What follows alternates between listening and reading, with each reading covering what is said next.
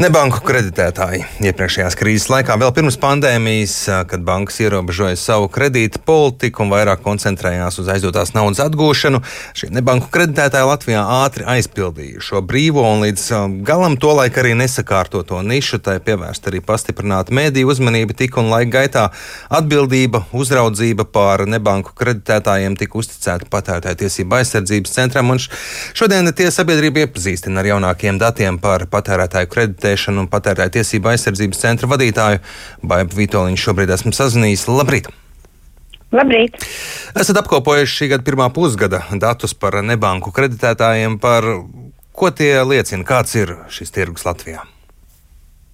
Nu, faktiski šis ir pirmais gads, kurā ir redzams šis te mm, lielās valsts nodevas ikgadējās, kas tika palielināta no 14 eh, tūkstošiem eh, uz 55 tūkstošiem gadā eh, tāda ietekme, jo faktiski šis te nebanku kreditēšanas tirgus ir ļoti būtiski sašaurinājies, tātad no 56 komersantiem, kas darbojās 31. decembrī 19. gada, 20. gada ir palikuši šajā gadā, mm, pirmajā pusgadā darbojās 46, tātad diezgan liels šis samazinājums. Uh, it sevišķi vienā no jomām, kas ir uh, Lombardu kredīti, tur faktiski uh, snie, pakalpojumu sniedzēju skaits ir sama, samazinājies gandrīz par pusi. Bet neraugoties uz to, Pagājušā gadā bija vērojams tāds kreditēšanas apjoma arī samazinājums, tad šogad jāatzīst, ka pakāpeniski kreditēšanas apjoms tomēr atgriežas, atgriežas un visticamāk liecina par to, ka tomēr cilvēkiem, nu, cilvēkiem tomēr šis pakalpojums ir vajadzīgs, tātad kredīti kaut kādu iemeslu dēļ cilvēkiem ir, ir vajadzīgi. Um, varbūt esam vairāk apraduši arī pandēmiju, tā piesardzība ir, ir tiem, kas var atļauties, ir mazinājusies, un tāpēc tirgus tā kā lēnām atsāk, atsāk darboties. Ja, nu, iepriekš tika, kas galvenokārt tika pārmests nozarei, ka tā iedzen parāda slazdā savus klientus, nepienācīgi izvērtē maksātspēju. Um, ko jūsu dati, pieredze strādājot ar šo nodar, nozari, saka par šo situāciju, ir uzlabojusies?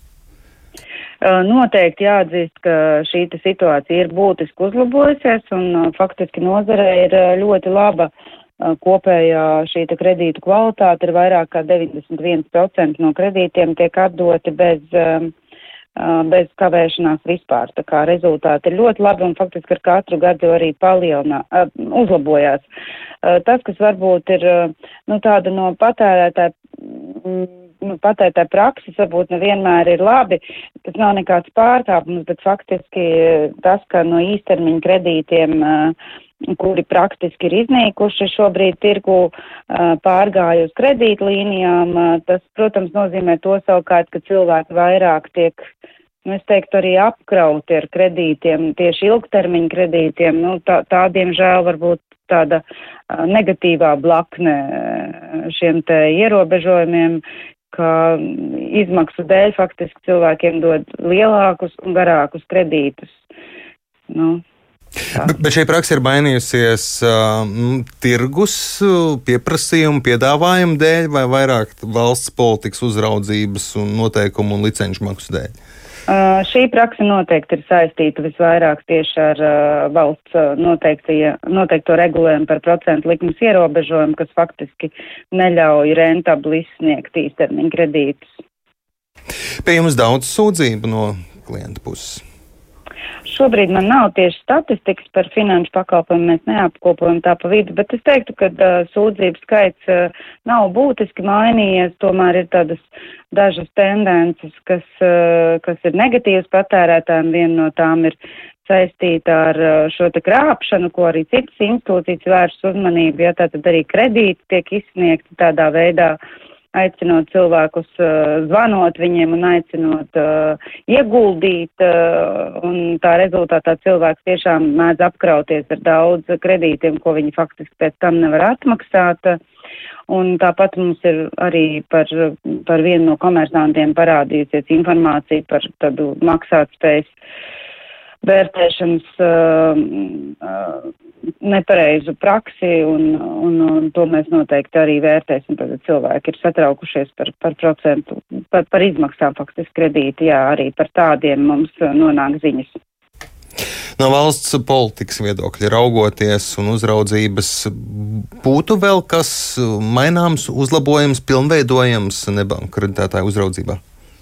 Mm, es domāju, ka jautājums, protams, ko uzskata par uzlabošanu, bet, bet protams, ka manā skatījumā nozarē ir dažas lietas, kuras nav bijušas pareizi regulētas, cits starpā milzīgā nodeva, kas faktiski ir sašaurinājusi tirgu ļoti būtiski un, un būs vēl joprojām sašaurinājums, jo arī otrajā pusgadā samazinās kredīt devēja skaits, kas savukārt ved uh, uz uh, mazāku konkurenci. Un uh, noteikti augstākām procentu likmēm. Protams, pārāk augsts Latvijā tas procentu likmes nevar būt, jo ir ierobežojumi bet ir tās jomas, kur tās uh, palielinās, nu, piemēram, uh, Lombardu kredītiem. Tā kā viss jau, nu, komersants jau, viņam jau tā, tā rentabilitāte jāgūst, un viņš to darīs tad, citos veidos. Tāpat uh, reklāmas ierobežojumi no vienas puses labi, no otras puses viņi ir. Uh, viegli, viegli, ja tā var teikt, apējami, ņemot vērā, ka komersantiem reklāmas nav aizliegts un rezultātā jau nu, tirgū tik un tā ir, uh, ir šīs reklāmas pieejams, līdz ar to tāda neskaidra situācija, kas man liekas nav taisnīga tā kā no konkurences viedokļa. Bet uh, no patērētāja viedokļa, protams, tā informētība patērētājiem un uh, lēmumu pieņemšana pirms kredītu uh, saņemšanas noteikti ir būtiska, finanšu pratība ir ļoti būtiska, tāpēc man liekas ir jāiegulda visiem tieši šajā jautājumā, lai cilvēki nepaņemtu kredītu arī paši, ja viņi to nevar atļauties un uh, gudrāk varbūt arī rīkotos ar savām finansēm. Te jūs galvenokārt satrauc tas, ka konkurence šobrīd strauji samazinās nozarē, un līdz ar to tas nozīmē patērētājiem um, jāmaksā dārgāk. Protams, un arī varbūt nav pieejami, nu, teiksim, produktu dažādība nav pieejama un daudzas citas lietas, kuras tomēr konkurence uh, konkurence rada labāku, labākus pakalpojumus, labākus produktus cilvēkiem. Jā, tā kopumā no nozars, es teiktu, tāds būtisks problēmas mēs nesaskatām. Maksātspējas vērtēšana ir patiesi būtiski uzlabojusies, kas bija mūsu lielākās raizes.